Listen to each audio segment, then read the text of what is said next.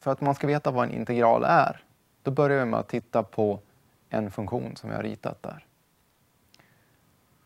Om vi vill titta på den här funktionen, säg att den visar hur hastigheten är utifrån en motorcyklist som åker en viss bana.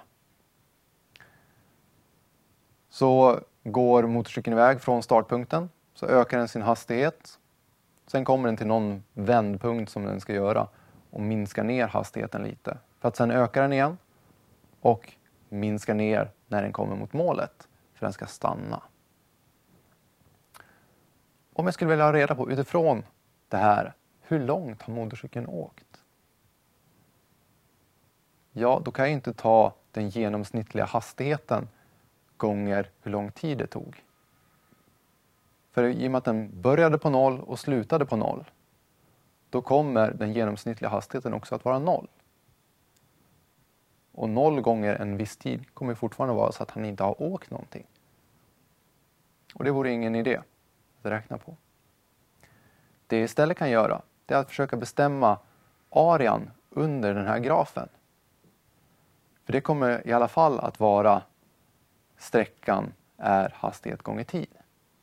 Värdet för hastigheten som vi läser ut i grafen. Läser av tiden där nere. Hur, för vilken tid hade den den här hastigheten? För att bestämma den här arean, ja då kan jag dela in den i mindre intervall.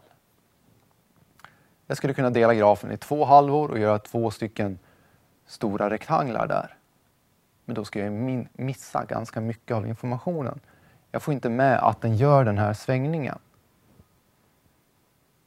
Jag skulle kunna göra så att jag gör fyra intervall istället.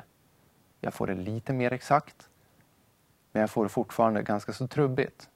Så ju fler intervall jag gör, desto mer noggrant kommer det bli. Det man också måste tänka på, det är att de här rektanglarna som man ritar, ja visst, de har en bredd, men vad är det vi ritar ut som höjden på dem?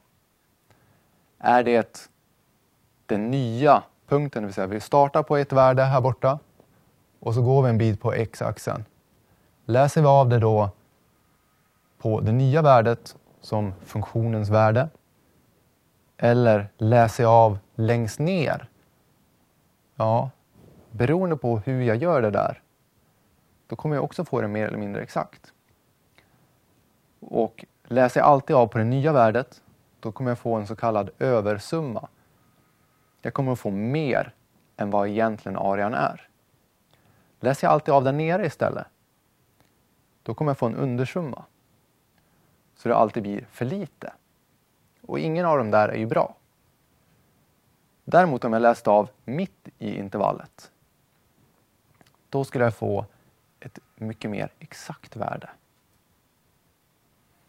Så när vi ritar ut de där rektanglarna så ritar vi dem så att mitt på den här stapeln som jag ritat, där ska funktionen träffa.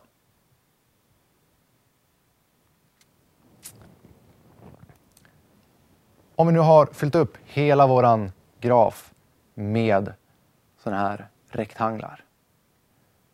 Då ska jag alltså bara summera värdet av alla de här rektanglarna för att få arean.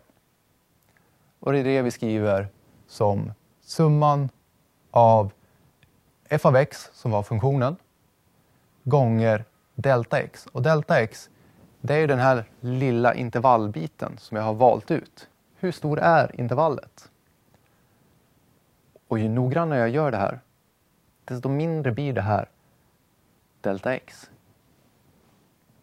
Ja, då kan vi titta på det på samma sätt som vi gjorde med in, eh, derivatan. Vi skriver lim då delta x går mot noll. Det vill säga då intervallet av de här blir mindre och mindre och mindre så att vi får så smala stolpar som möjligt. Det kommer inte bli noll. För att om det vore noll, då skulle jag inte få några värden. Då övergår den här, som var en summa, vi kallar det för Riemann-summa, för det var en man som hette Riemann i efternamn som jobbade fram det här. Eh, då övergår det från att vara en Riemann-summa till att bli en integral. Och då byter vi. Så att istället för att ha summatecknet som vi hade här uppe, då kommer vi ha ett integraltecken. Och istället för att ha delta x så kommer vi att skriva det som dx. På samma sätt som vi hade derivatan av funktionen f med avseende på x som vi skrev som df dx. Då skriver vi integralen som integraltecknet och sen i slutändan dx för att visa vilken variabel det är som vi tittar på.